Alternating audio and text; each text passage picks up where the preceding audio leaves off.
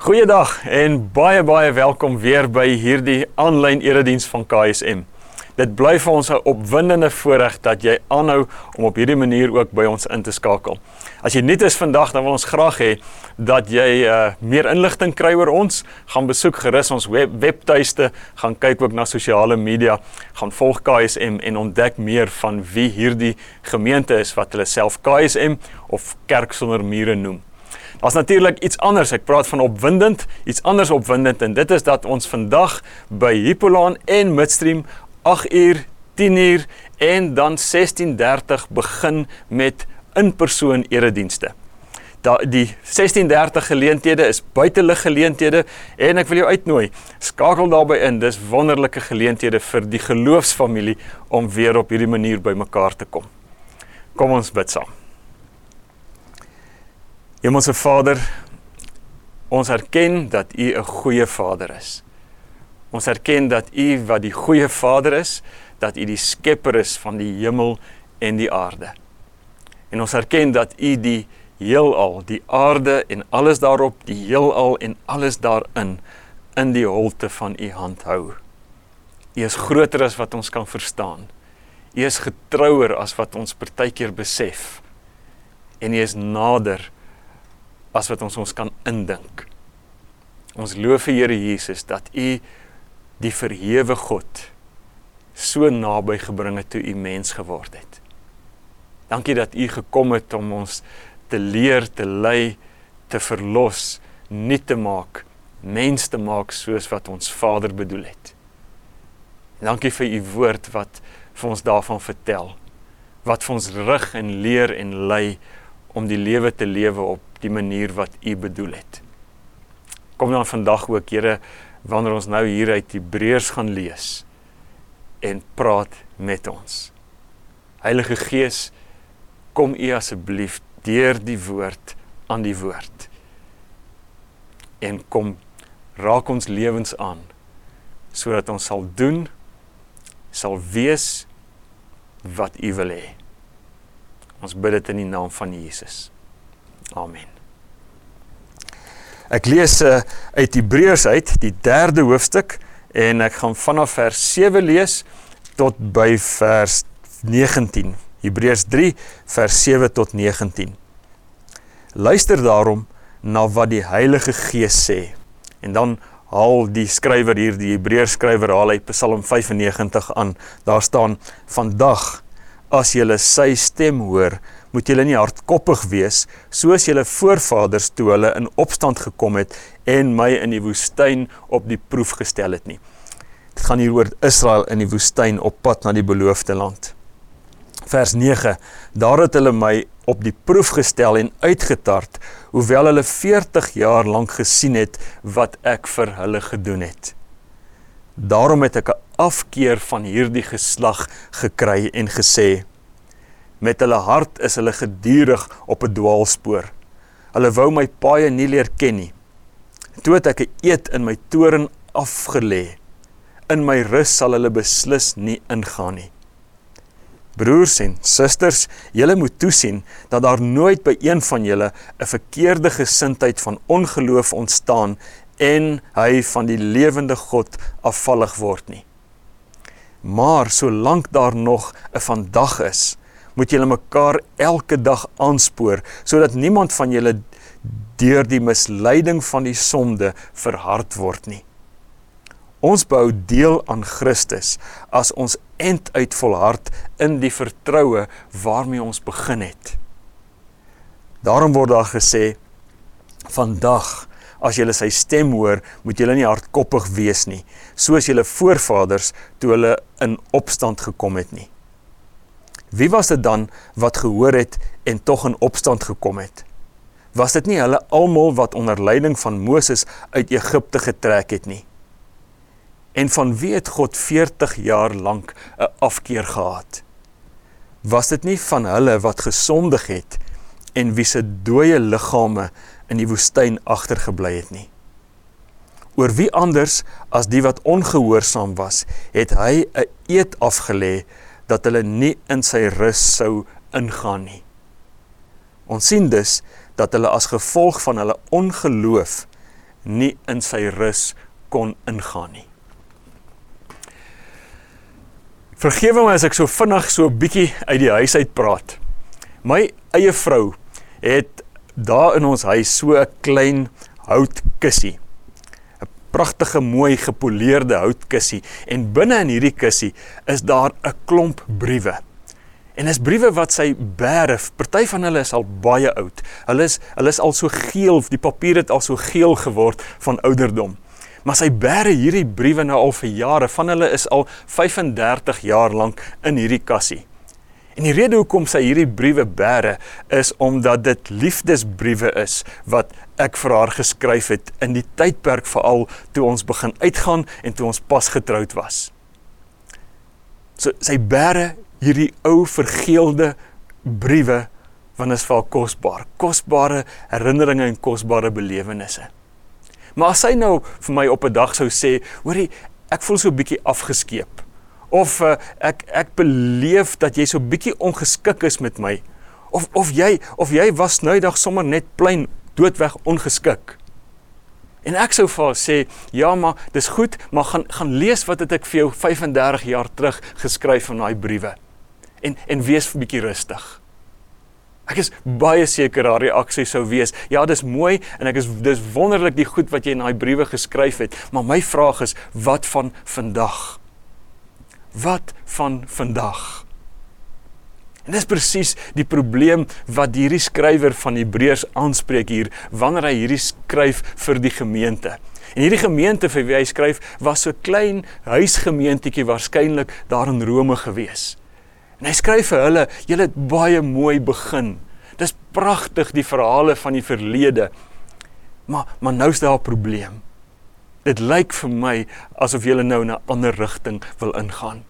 En ek gaan net nou terugkom daarna toe, maar dan dan waarsku hierdie skrywer vir die lesers, vir hierdie gemeente daar in Rome, waarsku hy baie baie ernstig. Van die ernstigste taal in die hele Nuwe Testament gebruik hy hier.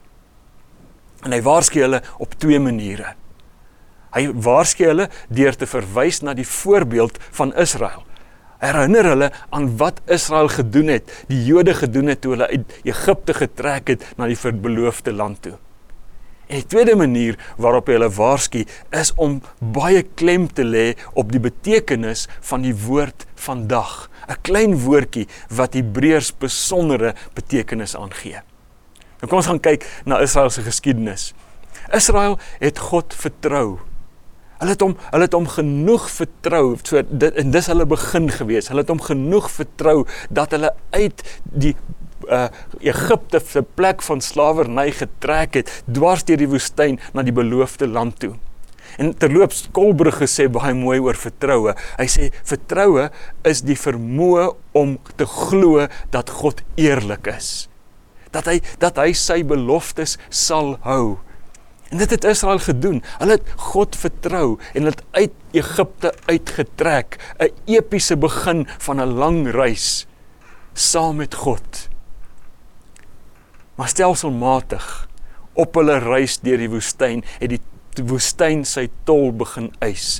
Die woorde wat wat hier staan is die woestyn het veroorsaak dat hulle hardkoppig word. En as jy dit letterlik gaan lees uit die Grieks uit dan staan daar eintlik hulle harte het hard geword.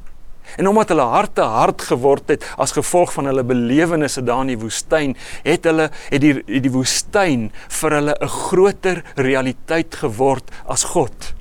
Die woestyn het 'n groter realiteit geword as God wat hulle gered het, wat hulle gelei het, wat hulle versorg het met liefde en omgee en genade. Die woestyn het 'n groter realiteit as God geword en daarom gebeur daar in Numeri met die Israeliete hierdie verskriklike hartseer ding. En dit is hulle begin terug verlang, 'n klap in die gesig van die liefdevolle versorgende God. Hulle begin terug verlang na Egipte toe en hulle sê dit ook, ons wens ons kon weer daar wees. 'n Klap in God se gesig. Hulle kom in opstand.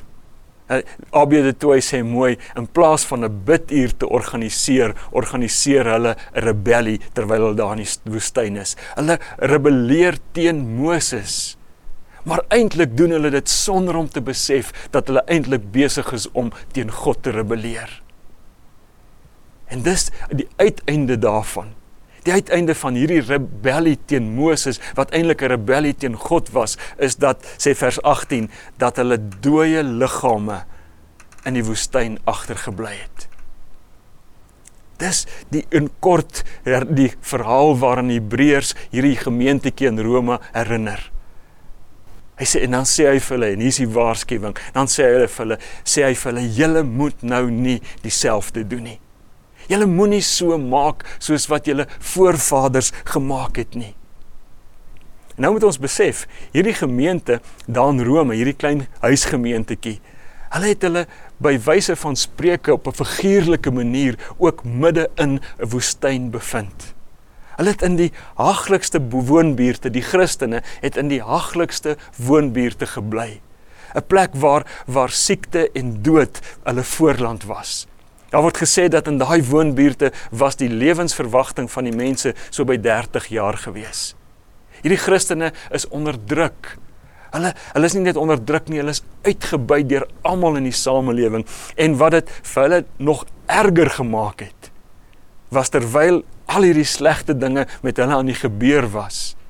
Hulle wat gekies het vir Jesus, het dit goed gegaan. Het hulle Joodse bure floreer. Hulle het floreer want want en, en hulle hulle het want hulle het nie gekies om die pad agter Jesus aan te stap nie. En nou kan jy vir jou indink. As jy as jy wat 'n Jood was of 'n heiden was, kies om Jesus te volg en en jy begin hierdie die, beleef ek is in die woestyn en jy kyk rondom jou en jy sien dit gaan met almal anders goed dan kan jy jou indink dat hulle by 'n vertrouenskrisis uitgekom het. Dat hulle by 'n plek uitgekom het waar hulle moes dink, maar ek het Jesus aangeneem. Ek het hom vertrou met my met my lewe. Ek het hom vertrou met my verlossing. Ek het hom gekies. Maar miskien moet ek teruggaan. En dis dis waarteen waarteen Hebreërs so sterk waarsku. Miskien moet ek teruggaan na waar ek was voor ek Jesus gekies het. En dis die waarskuwing hier, moenie terugdraai nie. Moenie terugdraai nie. En dan kom hy uit by hierdie woord vandag. En hy en hy sê vir hulle vandag, jy moenie terugdraai nie. Vandag moet jy reg kies. En as Hebreërs die woord en dis baie belangrik as hy hierdie woord vandag gebruik, dan het hy baie meer in gedagte as net 'n datum op die kalender. Vandag is in Hebreëse gebruik 'n oomblik van beslissing. Maar dit is ook meer as net 'n oomblik van 'n beslissing. Dis dis dis 'n dis dis dis 'n dag, 'n datum, 'n daad van beslissing. Dis elke situasie waarin jy jou bevind waar jy 'n keuse moet maak, sê Hebreërs, is 'n oomblik van beslissing. Elke geleentheid waar jy moet kies, kan 'n oomblik van beslissing wees in jou verhouding met die Here. En vir jou en vir my sê Hebreërs baie duidelik vandag is die oomblik van beslissing.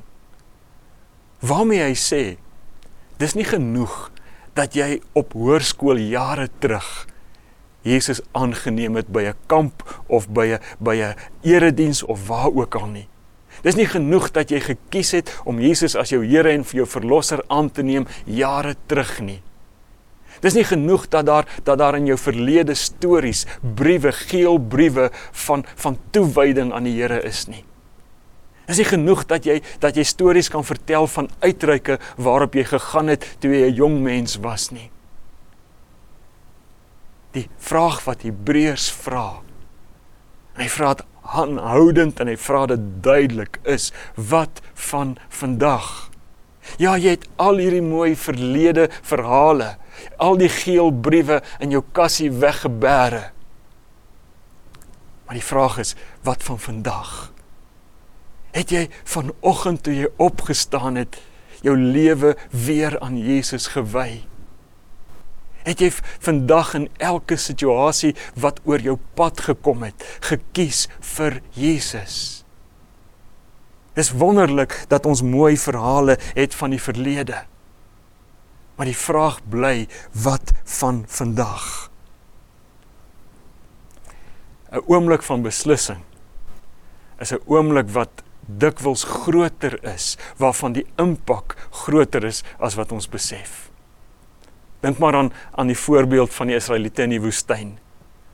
Hulle het teen Moses gekies sonder om te besef dat hulle eintlik besig is om teen God te kies.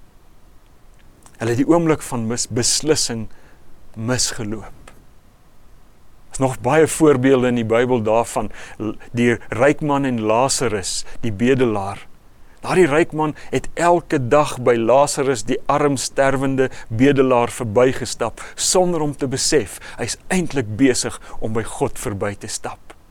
En Hebreërs sê party mense het in hulle huis gasvryheid verleen aan mense, aan vreemdelinge sonder om te besef dat dit 'n oomblik van beslissing was, sonder om te besef dat hulle eintlik aan engele huisvesting gegee het. En Jesus sê dit self, Matteus 25. Hy sê as julle aan die geringstes goed doen, dan besef julle dit dalk nie, maar julle is eintlik besig om dit aan my te doen. As jy hulle vir hulle kos gee, as jy hulle klere gee, as jy as jy hulle versorg, is jy besig sonder dat jy dit besef om dit aan my te doen. Elke oomblik, elke situasie, elke geleentheid het ek en jy die geleentheid om 'n keuse te maak vir Jesus of teen Jesus. En partykeer besef ons dit nie. Partykeer besef ons nie hierdie oomblik, hierdie besluit wat ek nou moet neem, is 'n oomblik van beslissing nie. Ons besef nie dis 'n keuse vir God, vir Jesus of teen Jesus nie. As jy as 'n man kies teen 'n verhouding met jou eie vrou vir 'n verhouding met 'n ander vrou, is jy nie net besig om te kies teen jou vrou nie, jy's besig om te kies teen Jesus die manier waarop ons ons geld spandeer. Die prioriteite wat ons waar, wat ons toeken in die spandering van ons geld kan 'n oomblik van beslissing wees 'n keuse vir Jesus of teen Jesus.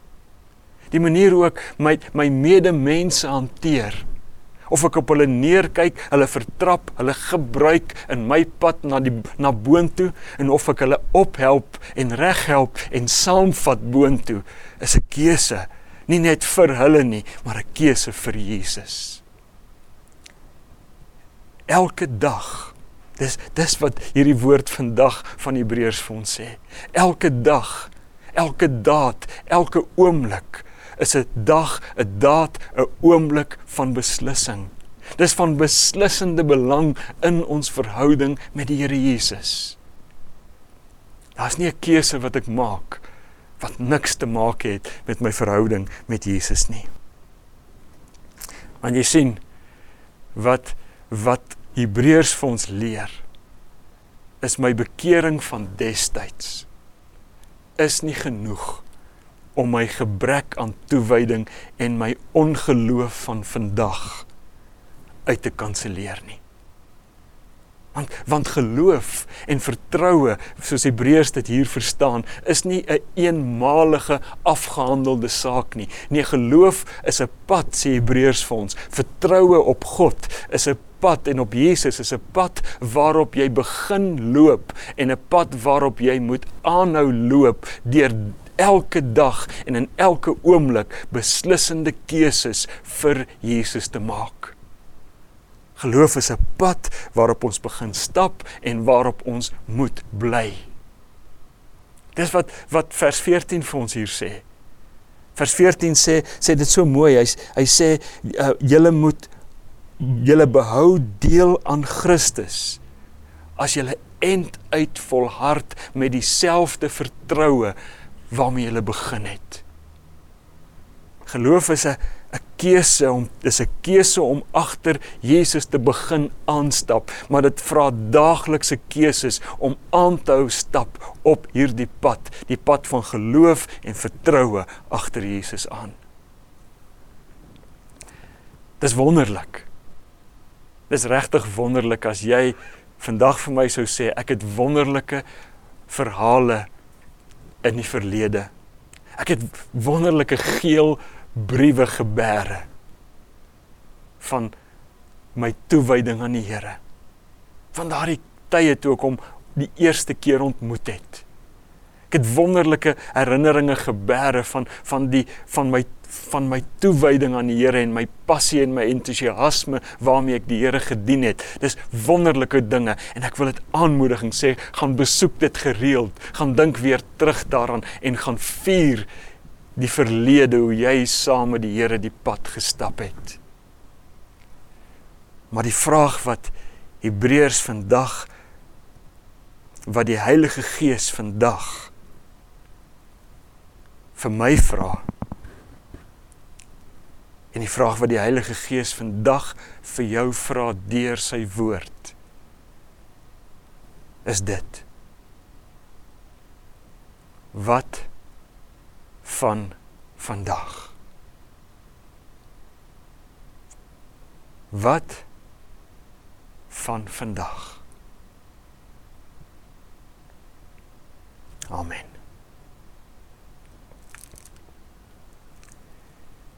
Here Jesus. Dankie vir u eenmalige volmaakte offer wat u gebring het.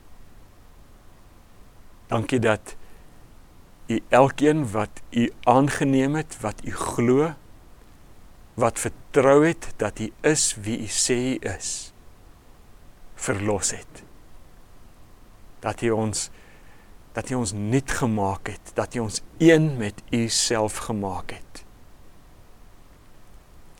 Dankie dat U ons gesit het op 'n pad agter U aan.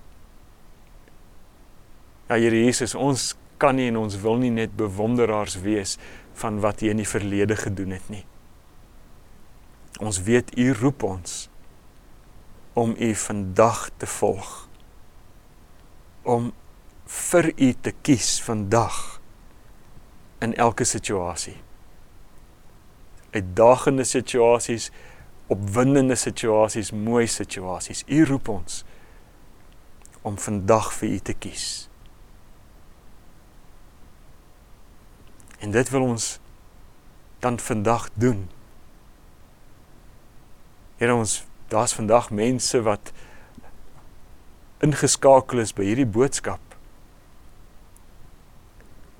wat nie op die oomblik meer toegewyd leef aan U Here Jesus nie. Wat mooi stories in die verlede het. Maar wat nie vanoggend hulle lewe aan U toegewy het nie. Wat nie elke dag tree vir tree op die pad agter u stap nie. Here, daar's 'n verskeidenheid redes dalk teenstand, gerief, gemak, woestyn ervarings. Ek bid vandag Here Jesus dat U deur U Gees die vuur weer in hulle sal aanblaas sodat hulle weer met vertroue agter U sal begin aanstap. Want Here, daar's niemand soos U nie. Ons loof en ons eer U. Dankie, Here Jesus. Amen.